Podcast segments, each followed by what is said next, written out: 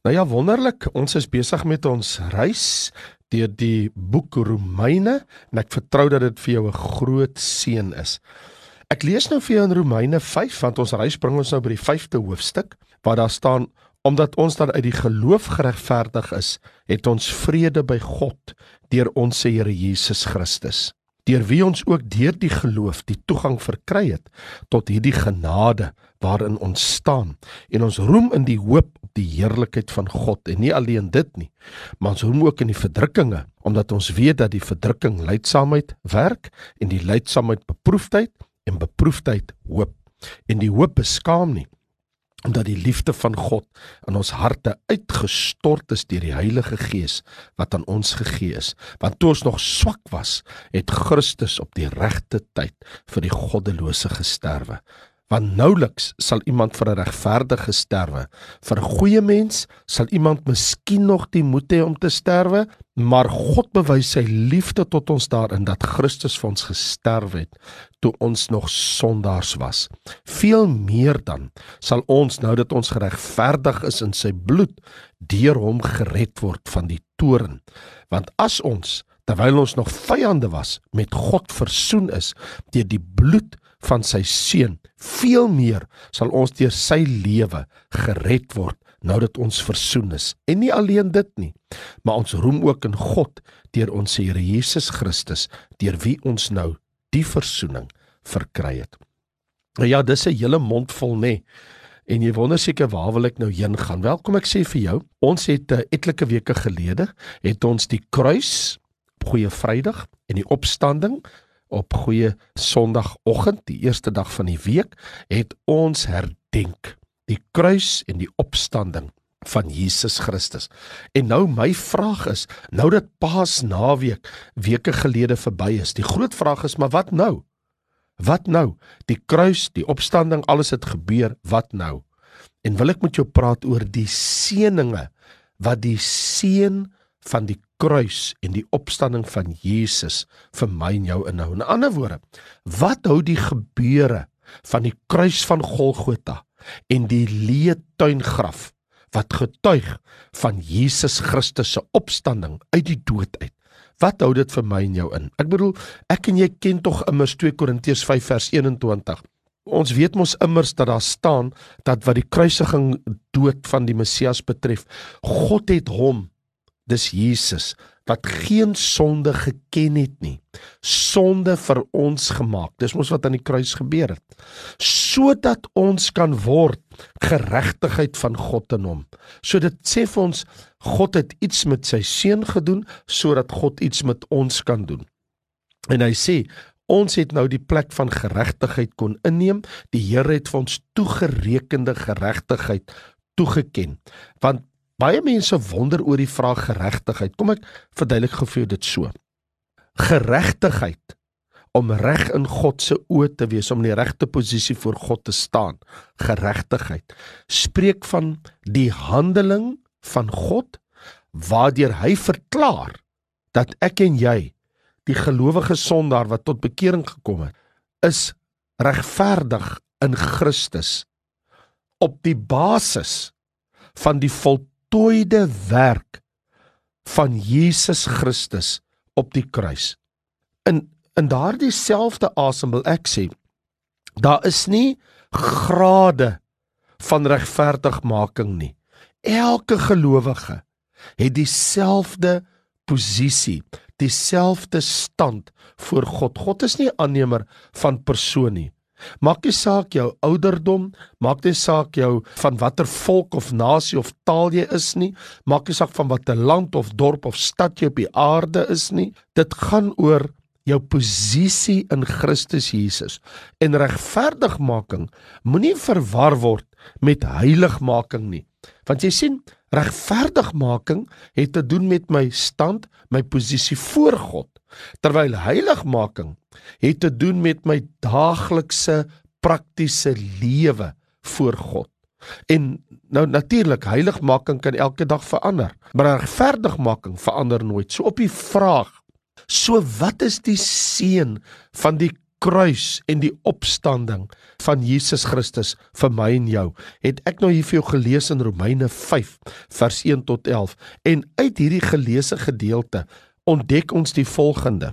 Hierdie seëninge wat ons van gelees het, omdat ons dan uit die geloof geregverdig is, het ons vrede by God. So op die vraag, watter seëninge het ons ontvang deurdat ons nou geregverdig is voor God?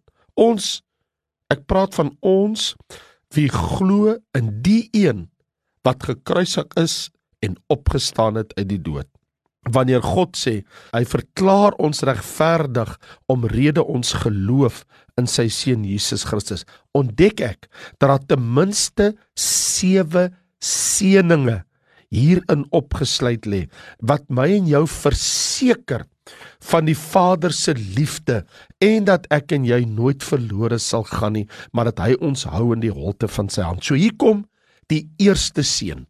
En dit is die seën van ons regverdigmaking omrede die kruis en opstanding van Christus. Luister mooi na vers 1.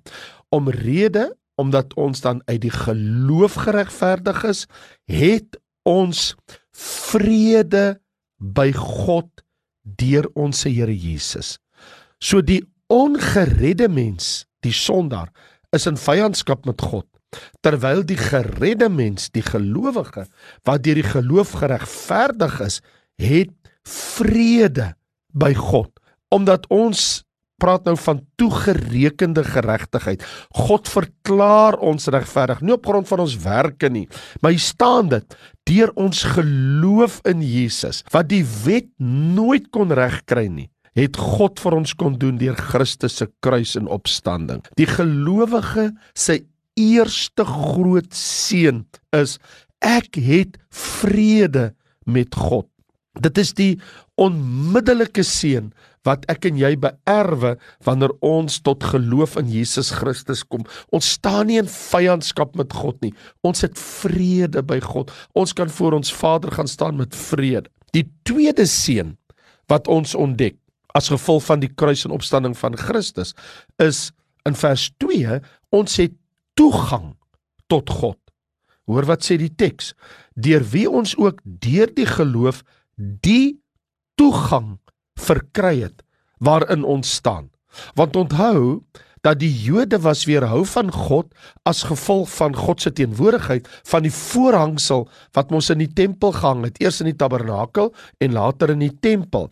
Wat beteken jy kan nie in die allerheiligste teenwoordigheid van God gaan nie. Mense kon in die heiligdom ingegaan het die priesters, maar net die hoofpriester in die allerheiligste. Maar die heidene, hulle was weerhou van God omrede die muur wat om die tempel was of die heining wat om die tabernakel was. Maar toe Jesus Christus aan die kruis sterwe, lees ons sê die Bybel in die woord van die Here vir ons dat die voorhangsel wat in die tempel gehang het het geskeur. Vers 45 sê die son is verduister van Lukas 23 die voorhangsel van die tempel het middeldeur geskeur. So hier is die nuus wat ek met jou wil breek. Die nuus is die voorhangsel wat die mens wat die heiligdom van die allerheiligste geskei het toe Jesus sy asem uitblaas toe skrywe die evangelieskrywers en sê toe skeur die voorhangsel van bo tot onder Nou ek weet nie of jy weet wat dit beteken nie. Die voorhangsel was die gordyn wat die allerheiligste teenwoordigheid van God weggesteek het. Daai gordyn was amper 4 duim dik. Daai gordyn kon net deur 'n klomp osse as hulle dit wou kon uitmekaar getrek word, maar hier skeur daai gordyn van bo tot onder. Dit was 'n goddelike daad. God skeur die gordyn. Hoekom? Sodat die weg na God nou oop is Dis hoekom ons in Hebreërs hoofstuk 10 in soveel woorde lees. Ek bedoel daar staan letterlik geskrywe. Ek verwys nou na Hebreërs hoofstuk 10 waar daar staan in vers 19 en 20 dat die heiligdom deur die bloed van Jesus kan ons nou op 'n nuwe en 'n lewende weg toegang verkry. So die pad is oop. Die die seën wat ek vir jou wil sê is die weg na God is nie geslote nie. Daar's nie 'n toedeur nie.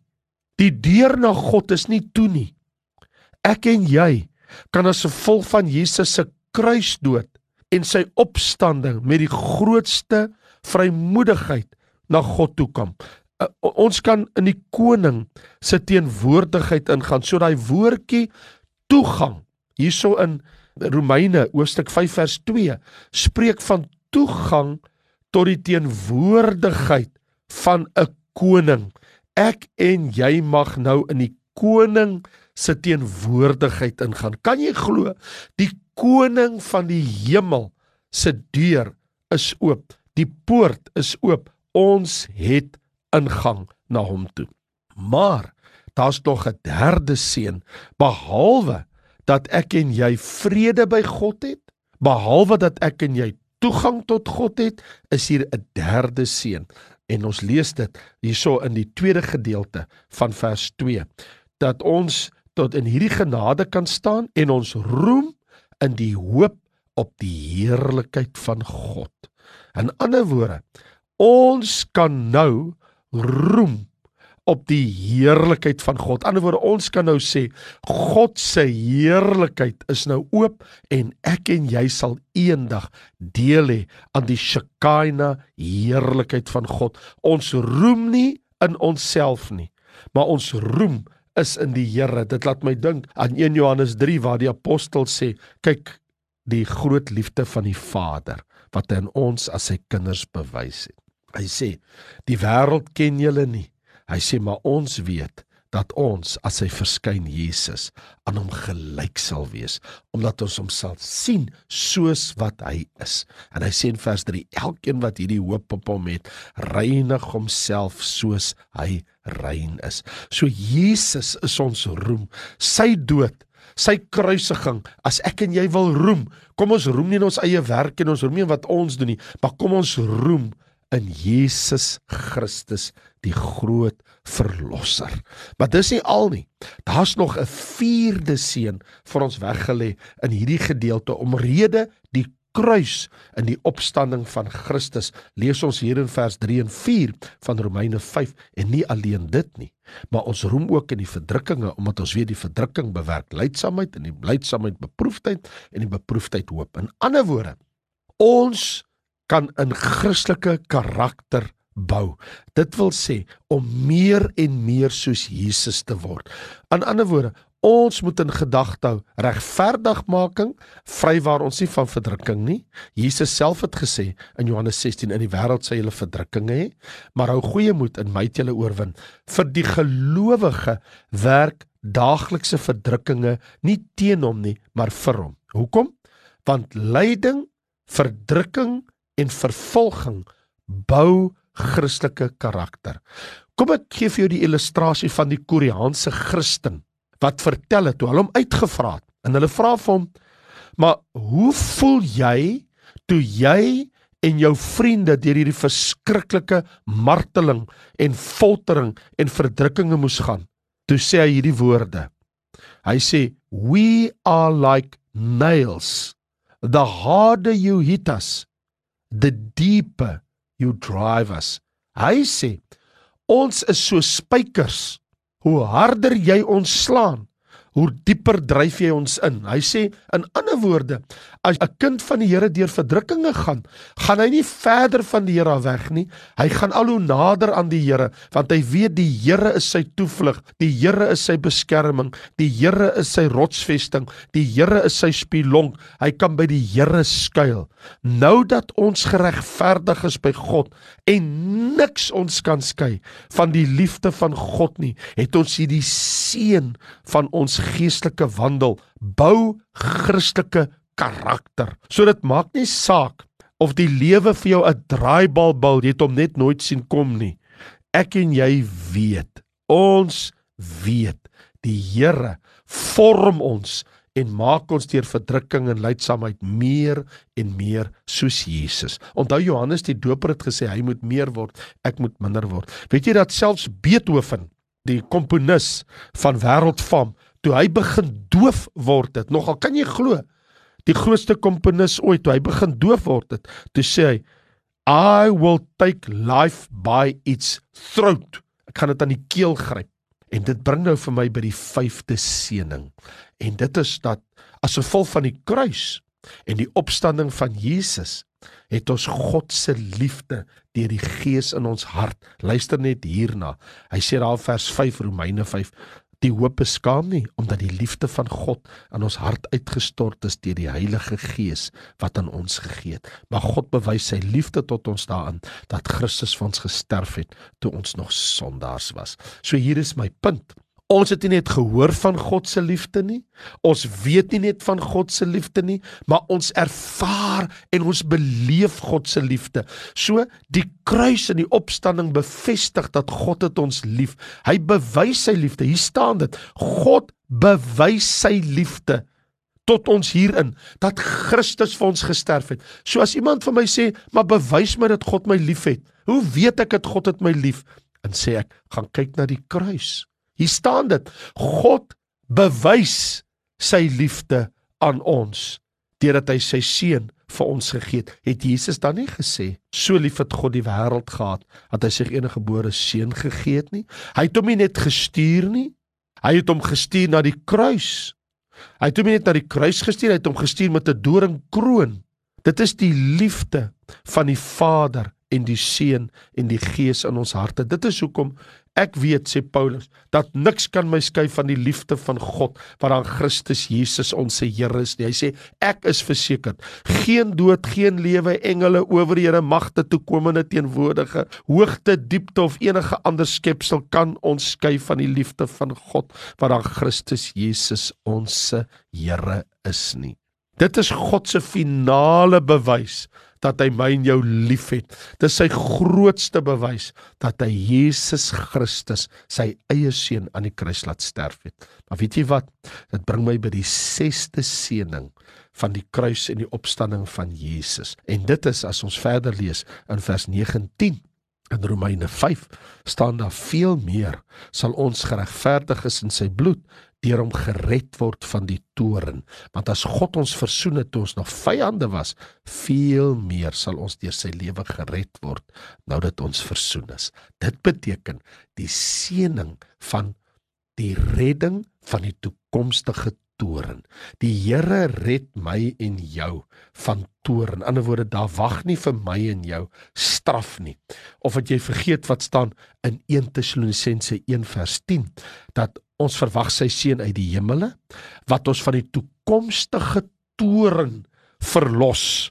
Of so so stuk 5 sê God het ons nie bestem tot toren nie maar om die saligheid te verkry deur Jesus Christus. So hier is die seun weet ons het sopas met Paasnaweek etlike weke gelede die kruisiging opstanding herdenk. En een van die wonderlike seëninge wat dit na ons toe bring is daar wag nie vir ons 'n oordeel nie maar daar wag vir ons hierdie wonderlike seën dat ons is gevrywaar van God se toorn. Ons is gered.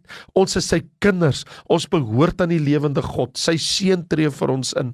Ons is ingeskrywe in sy laaste wil in die testament van Jesus Christus. Hy het op opgevaar na die hemel, veel meer sal ons deur hom gered word. Nou bring ek jou by die laaste seëning. Jy sal onthou ek het in die begin vir jou gesê, daar's ten minste 7 seëninge opgesluit in die kruis en opstanding van Christus wat ons sien hier in Romeine 5 vers 1 tot vers 11. Ek lees vir jou vers 11.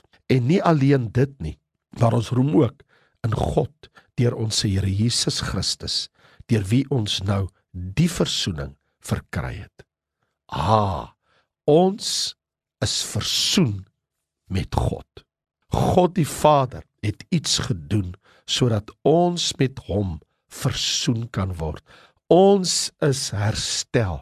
Jesus se sterwe aan die kruis het God tevrede gestel. Christus se offer van homself het God volkome tevrede gestel dat sonde gestraf is. En op grond hiervan kan God enige sondaar wat hom nou tot die Here wend, wat hom tot die Here bekeer, kan die Here ontvang en vergewe. Nie op grond van 'n blote goddelike toegewendheid nie, maar op 'n wettige basis, want Jesus het hierdie verzoening verkry.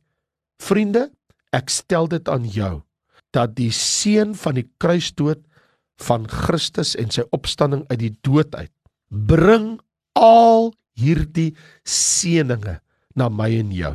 Wat is dit? 1 die seën van vrede met God ons hemelse Vader. 2 die seën van toegang tot God ons hemelse Vader. 3 die seën van hoop en roem op die heerlikheid van God dat die nuwe Jerusalem wag vir ons en die heerlikheid van God in die paradys. 4 die seën van maak nie saak wat ek in die lewe deurmaak nie. Dit vorm my geestelike karakter. Dit bou my geestelik. Daar's geestelike groei. 5 die seën van God se liefde wat deur sy gees in ons harte uitgestort is. En nommer 6 die seën van ons redding en vrymaking van die toekomstige toren van God En laastens het ons hierdie wonderlike seën gesien in Romeine 5 vers 1 tot 11 van verzoening met God. So wat ons ontdek in die woord is Christus se dood het ons stand voor God vir ewig verander. Ons het nou sy geregtigheid beerwe. En Christus se opstanding het ons daaglikse lewenswandel met God verander. Dit wil sê my verlede het verander, die hede en die toekoms verander. Hoekom? Want in die verlede my skuld is weggewas. My hede, ek lewe nou vir Christus. Hoe kan ek dit sê? Want Christus het vir ons gesterf. Nou Christus lewe vir ons en Christus kom weer. Wat 'n wonderlike wonderlike seën. Vader, Vader van die heerlikheid, wat kan ons sê wat U nie alles vir ons vermag het deur U seun Jesus met sy doringkroon toe hy vir ons aan die kruis gehang en gesterf het en uit die dood uit vir ons opgewek is. Here, ons loof U. Here, ons prys U. Here, ons dank U vir al hierdie goddelike, heerlike, kosbare, wonderlike seëninge wat vir ons alles ingesluit is, opgesluit is in die kruisiging en opstanding van u seun Jesus Christus dat ons die ewige lewe kon beerwe en dat ons name geskrywe staan in die boek van die lewe. Wat 'n seën. Ons loof U Here dat in die volgende hoofstuk Vader leet ons mos gelees dat Paulus sê in Romeine hoofstuk 6 dat deur die genadegawe van God het ons die ewige lewe ontvang deur ons Here Jesus. Dankie, dankie, dankie Vader in Jesus naam. Amen. Seën, sterkte en vrede vir jou. Totsiens.